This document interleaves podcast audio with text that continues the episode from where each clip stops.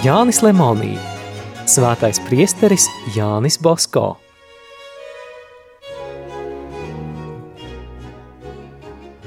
Otrais.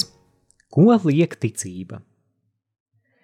Priestera Bosko pedagoģijā liela nozīme ir ticībai. Kamēr audzināšanas iestādēs nav ieviests paradums bieži sūdzēt grēkus un pieņemt svēto komuniju, tikmēr tās nevar uzplaukt, viņš apgalvoja.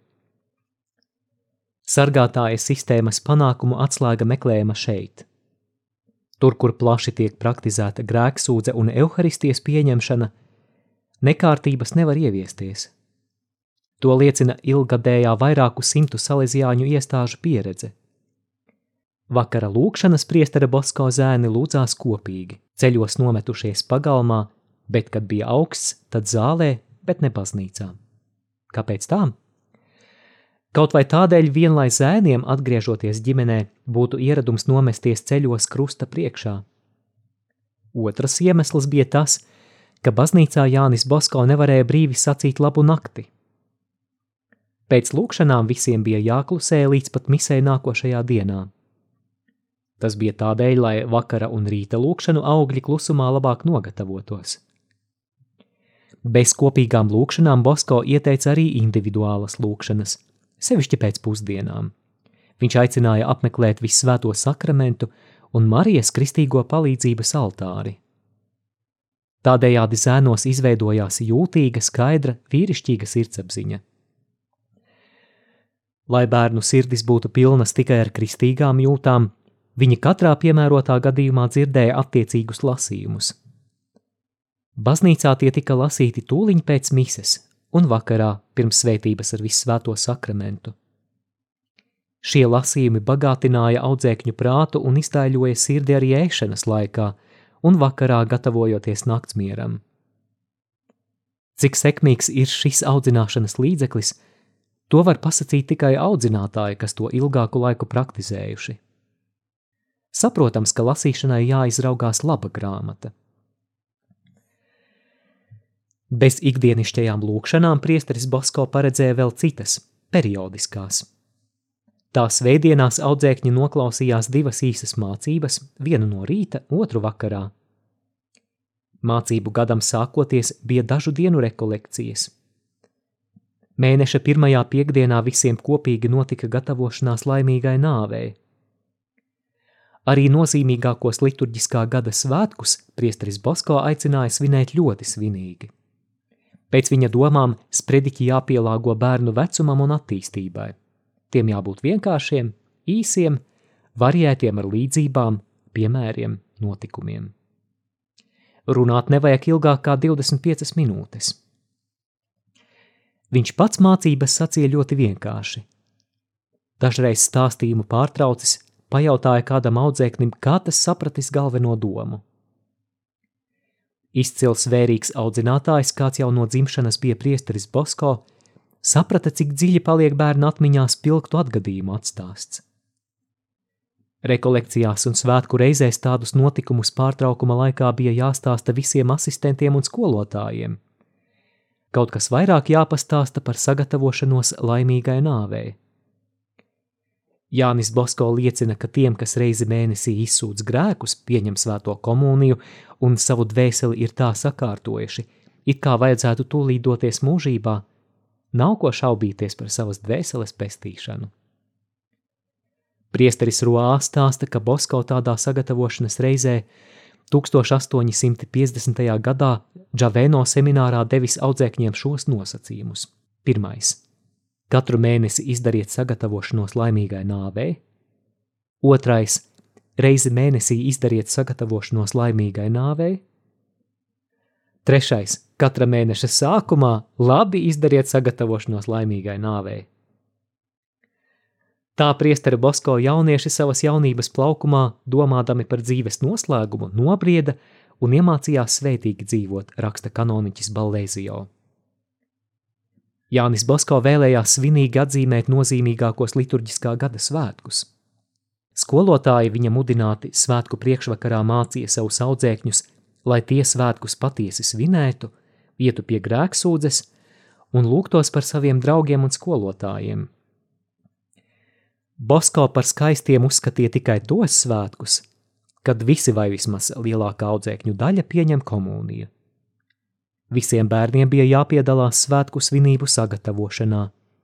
Dziesmas, orķestris, deklamācijas, ceremonijas, kuras izpildīja paši audzēkņi, iesaistīja darbā visus. Visu sejas bija priecīgas, visi bija tīri ģērbušies, pie krūtīm piesprauduši savas biedrības nozīmīti. Arī svētā Aloīza, svētā Jāzepa, mazo semināristu un bezvainīgās ieņemšanas biedrības bija spēcīgs līdzeklis, lai celtu dievbijību, čaklumu un labas sacensības garu. Šīs biedrības bija jānodibina katrā salīdzjāņu mājā. Lai neviens nebaidās par tām runāt, pastāstīt kaut ko par to rašanos, mērķi, par tām piešķirtajām atlaidām, par to derīgumu. Pēc manām domām, šīs biedrības var droši nosaukt par dievbības atslēgu, likumības krātuvēm, par garīgu aicinājumu šūpuli. Vēl kāds īpašs audzināšanas līdzeklis tika lietots salīdzjāņu namos. Tā bija īsa vakara uzruna pēc vakara lūkšanām. To visi mēdza saukt par labu nakti. Priesteris Boskautai iestāžu reglamentā piešķīra īpašu nozīmi. Lai iedomātos, kā šo vakara uzrunu sacīs viņš pats, jāceras viņa neparastā prasme izlobīt garīgu pamācību no visvienkāršākās pasaciņas – Ik vakarus viņš vienmēr kaut ko jaunu pastāstīja. Dažreiz bērnus sasmīdināja, bet nobeigumā vienmēr sacīja mazu pamācību.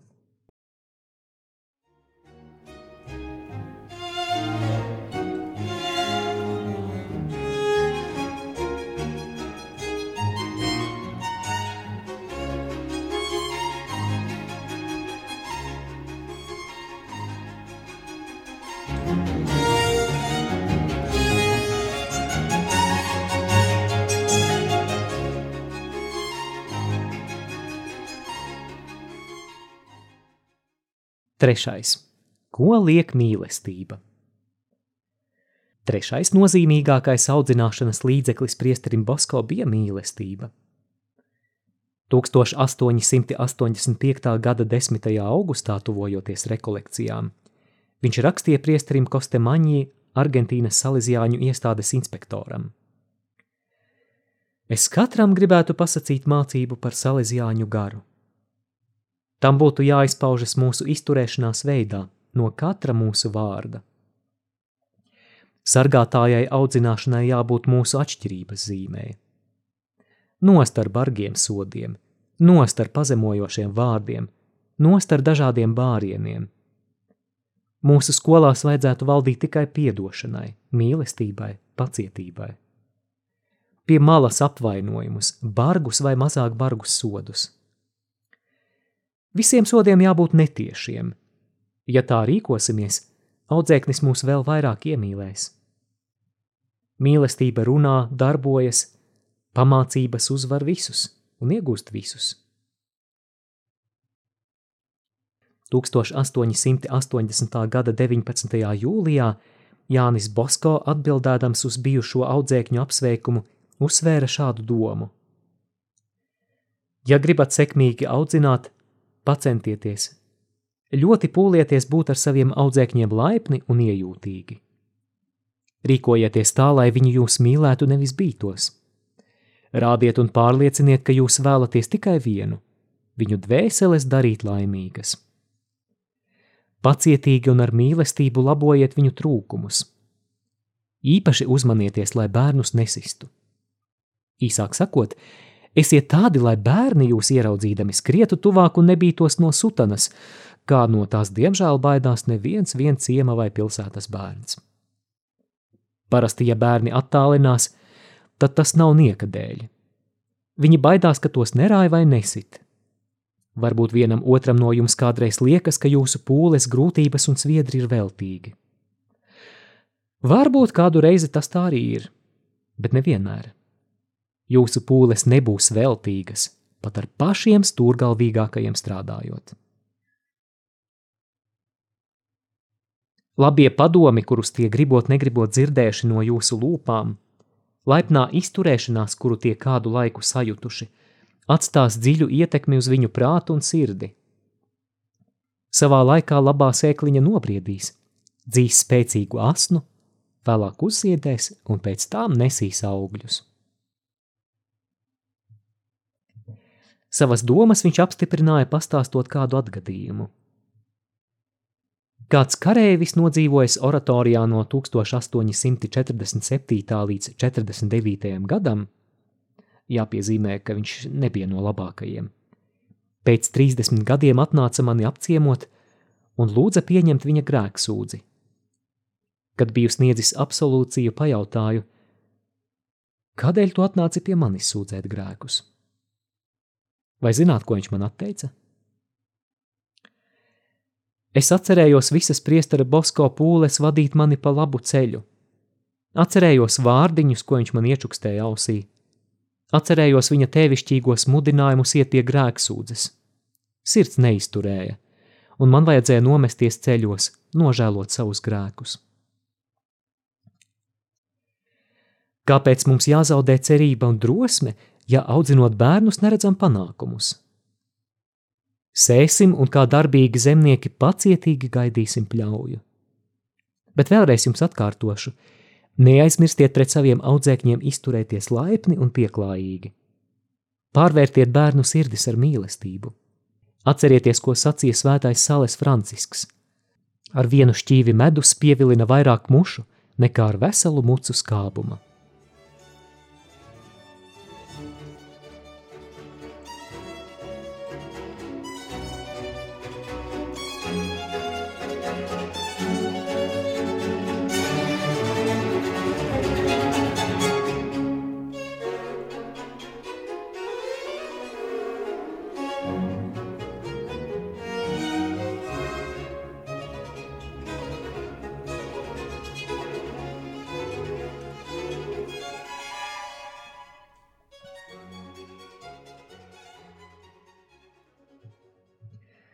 Labestība un mīlestība iedvesmoja arī ekskursiju un izpriecu rīkošanu.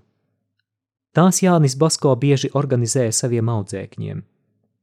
Pēc viņa parauga Salīzijāņi Itālijā rīkoja tās augtās kastaņu ekskursijas, kas ilga veselu dienu. Vēl Salīzijāņu namos daudz uzmanības veltīja mūzikai, sportam, deklamācijām un svētkiem. Tas viss palīdzēja veidot audzēkņu raksturu un dažādoja dzīvi iestādēs. Priesteris Bosko sacīja: Bērniem vienmēr kaut kas jādara. Tiem nepietiek tikai ar lekcijām un mācībām. Vēl tiem jāmāca mūzika, dziesmas, jāmāca deklamēt. Tādējādi viņi vienmēr būs nodarbināti, spējas attīstīsies un viņu zināšanu apjoms kļūs plašāks. Ja mēs bērniem nedosim darbu, viņi sāks meklēt nodarbošanos paši, un tad nekas labs nav paredzams. Īpaši Jānis Bosko rūpējās par mūziku. Bez tās viņš sacīja, nevar iztikt nevienā svētdienas oratorijā. Svētdienas oratorija bez mūzikas viņam šķita kā miesa bez dvēseles. Priesteris Bosko izmantoja visu, kas varēja īsā laikā atpūtināt miesu un uzlabot veselību, kas sniedz prieku un pacelātību audzēkņu garam. Dažas reizes gadā, sevišķi laika posmā no triju ķēniņu dienas līdz gavēnim, Svētdienās viņš sarīkoja labas vakariņas, pēc kurām notika izrādes. Reglamentā par teātri viņš rakstīja: Iestādes teātris, iekārtot saskaņā ar kristiešu likumību, var sniegt jaunatnei daudz laba. Protams, ja tas nekalpo citam mērķim, kā tikai likumiskam priekam audzināt un pamācīt audzēkņus.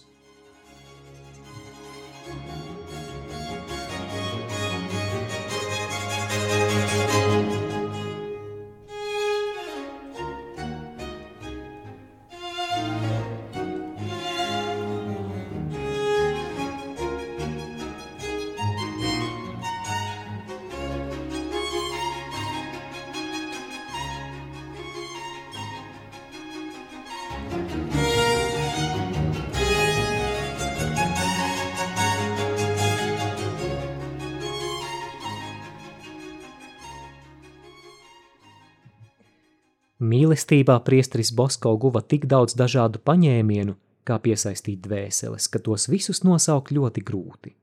Šie paņēmieni pārspēja visas uzslavas, teicis Bertaņa. 1855. gadā savā vārda dienā Jānis Bosko pateica bērniem, lai tie lūdz no viņa mutiski vai rakstiski visu, ko vien vēlas. Viņš izpildīšot visus lūgumus. Tādējādi priesteris Bosko gribēja dziļāk iepazīt katra raksturu, bet viņš to darīja arī lielas mīlestības vadīts. Varam iedomāties, cik daudz skaistu, bet reizē arī neparastu lūgumu saradās no visām pusēm. Jānis Bosko izpildīja solīto, lai tas maksāja, ko maksādams.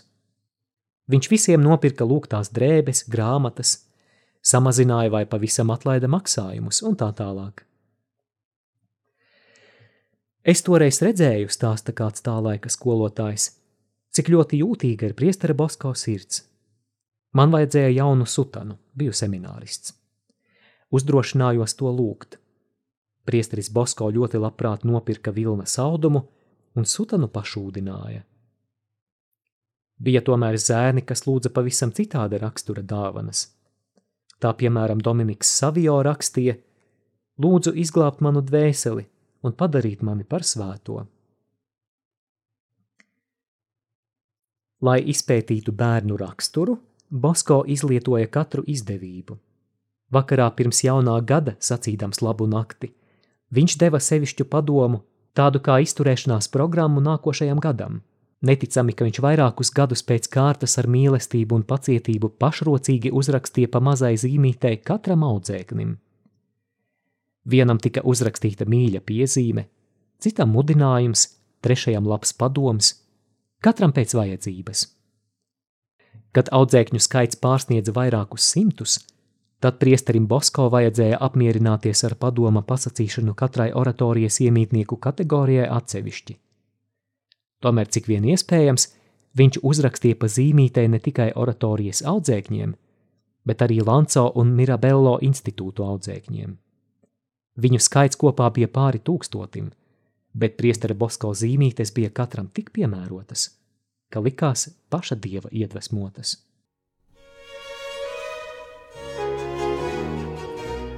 Izskanēja lasījums no Jāņa Lemonija grāmatas Svētais priesteris Jānis Bosko.